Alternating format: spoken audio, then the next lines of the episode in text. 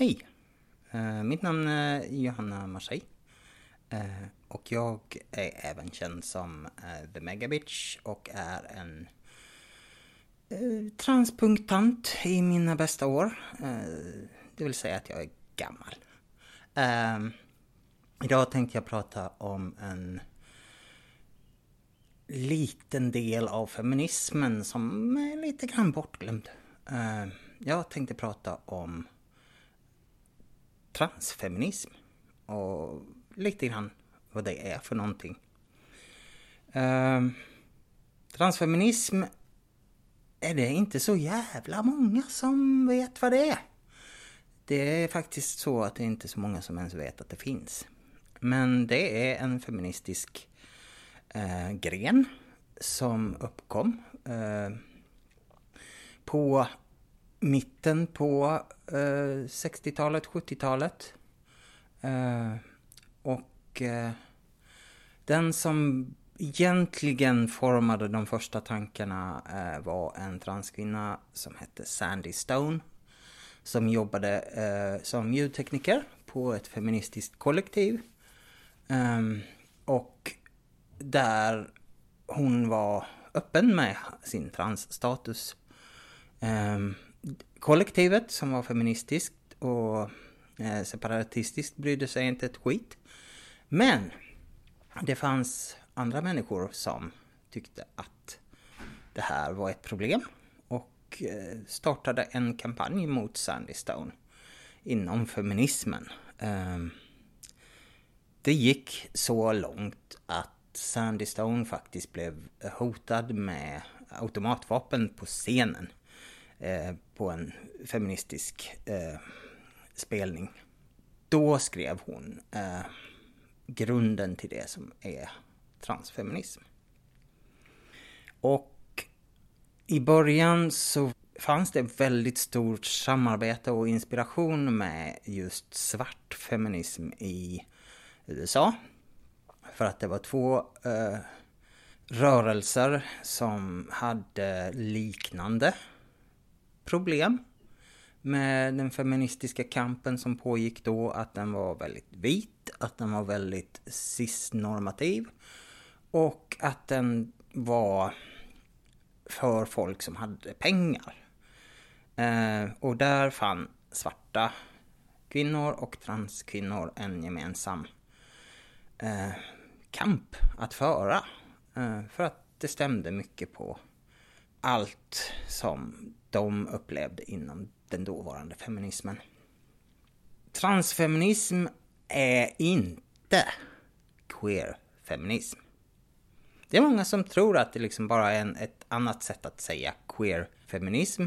Men eh, så är inte fallet. Eh, transfeminism har i grunden eh, väldigt mycket gemensamt med en riktning som har varit och ibland är väldigt eh, transfientlig. Som heter radikalfeminism. feminism. Ehm, och bland annat så finns det i radikalfeminismen en, en gammal dogm som heter att kön endast är en social konstruktion. Och där håller transfeminister med att kön är en social konstruktion.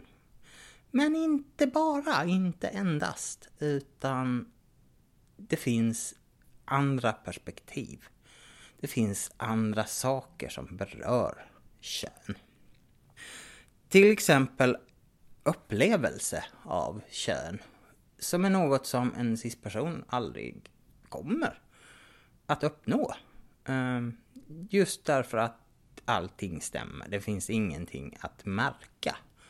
Ehm, en transperson upplever någon form av dysfori eller eh, någon form av icke-passning i vem de är med den kropp de tjänas efter.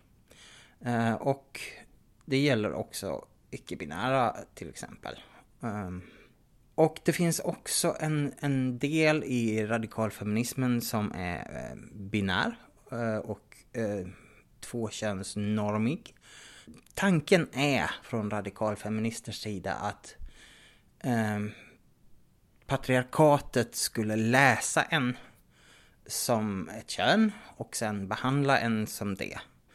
Men misstaget där är ju att patriarkatet är inte en tänkande varelse. Patriarkatet är liksom en, eh, Eh, ett resultat av eh, historien. Och det är inte så att patriarkatet funderar över saker, utan eh, patriarkatet belönar förmågan att vara man. Eh, mer än att förmå, eller liksom själva innehavet av en penis ger inga direkta fördelar inom patriarkatet. Därför blir det väldigt märkligt när man eh, säger att det är bara de som har tjänat som kvinnor när de föddes som har upplevt eh, hur det är att växa upp som kvinna under ett patriarkat. För eh, till exempel min erfarenhet av att växa upp som en eh, liten tjej eh, under patriarkatet som tvingades eh, försöka vara pojke. En ung kvinna som tvingades eh, byta om bland eh, unga män. Ehm, det är en kvinnas upplevelse av att växa upp under patriarkatet. Inte likadan som eh, grundtanken är i radikalfeminismen att det ska finnas någon slags gemensam nämnare. För det här är en sak som många feminister har fått lite om bakfoten. Det finns ingen universell kvinna. Det finns ingen upplevelse som är till 100% delad exakt av alla som är eller anser sig vara kvinnor. Det existerar helt enkelt inte.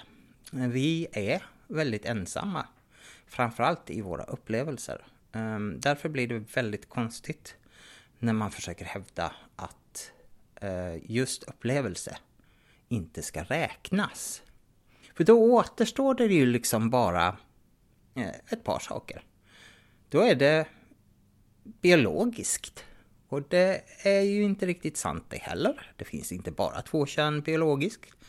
Det finns eh, åtminstone sex kön om man räknar kromosomer. Och många, många fler om man fortsätter genitalier och sen uppfattning och upplevelse. Så finns det hur många kön som helst. Och det är där eh, transfeminismen framför allt skiljer sig ifrån eh, den feminism, andra vågens feminism som um, ligger till grund för dagens feminism i många fall. Uh, transfeminismen säger att upplevelse av kön är kön. Det vill säga att en transkvinna som inte har kommit ut och som fortfarande läses av ett eh, hjärnlöst, braindead eh, patriarkat är fortfarande en kvinna.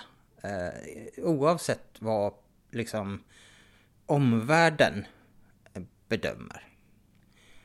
Och det här är väl egentligen den stora skillnaden. Sen finns det andra skillnader mot eh, olika eh, feministiska riktningar. Eh, transfeminismen pratar inte om att det finns någon inneboende egenskap hos eh, de olika könen.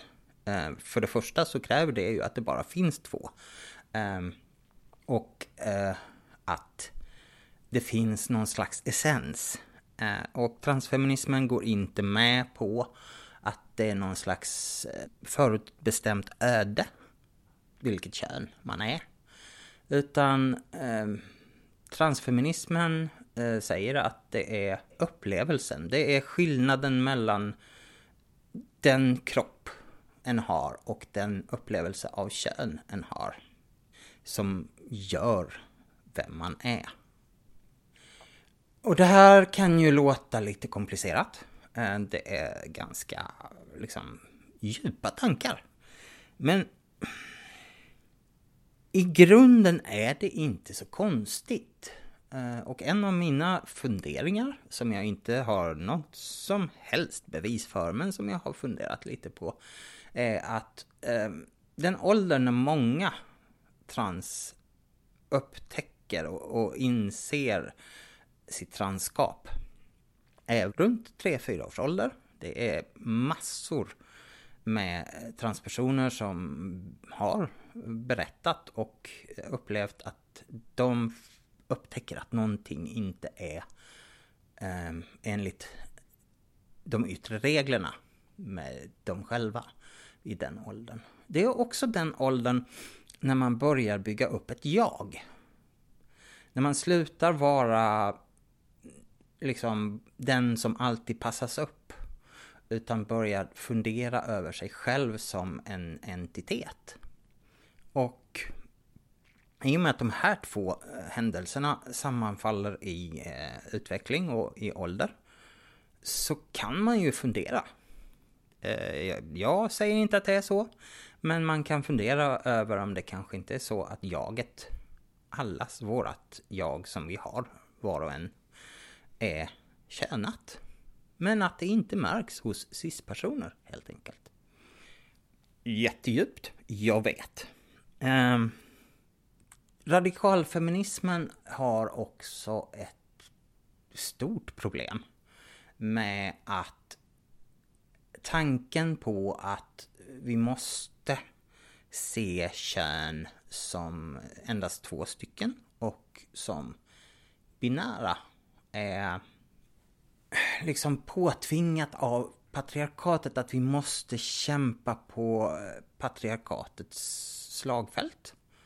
Um, och det är sånt som transfeminismen inte går med på. Att man ska inte liksom anpassa sig efter fienden helt enkelt. Man tar inte kampen där fienden vill ta kampen.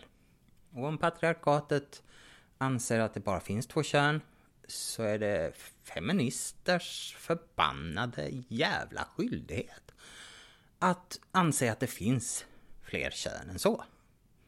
Eh, om patriarkatet säger att det finns bara eh, binära kön, man kan antingen bara vara man eller bara vara kvinna. Eh, och att det beror på vilken utrustning man föddes med. Det är också en sån här sak som eh, feminismen måste börja eh, förneka. Därför att det är ju uppenbarligen inte så. Um, och det, det, måste vara en feminism eh, som anpassas till eh, människorna. Det, det, kan inte vara så att vi ska ha en feministisk ideologi som tvingar människor att anpassa sig själva till um, den. Och vara på ett sätt som passar in i en um, tankekonstruktion. Det måste vara så att vi uh, anpassar feminismen till uh, människorna som finns och det existerar uppenbarligen eh, icke-binära. Det existerar folk som inte upplever kön och inte anser sig ha ett kön. Och då blir det märkligt eh, att försöka ena eh, förtryckta personer. Eh, där vissa ska hålla tyst om sin upplevelse för att det ska passa med ideologin. Och det här går inte jag med på och det går inte transfeminismen heller med på. Um, det finns väldigt lite information om transfeminism uh, på uh, traditionella feministiska forum. Men jag rekommenderar att om man är intresserad av transfeminism så kan man läsa vad Sandy Stone har skrivit och eh, vad en transkvinna som heter Julia Serrano skriver.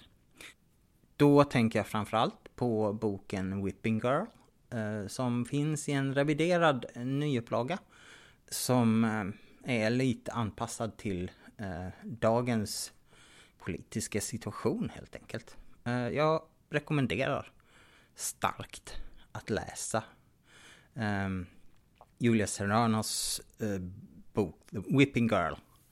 Och eh, om man vill, även eh, den andra boken som heter Excluded. Som fortsätter på samma tema. Okej, okay.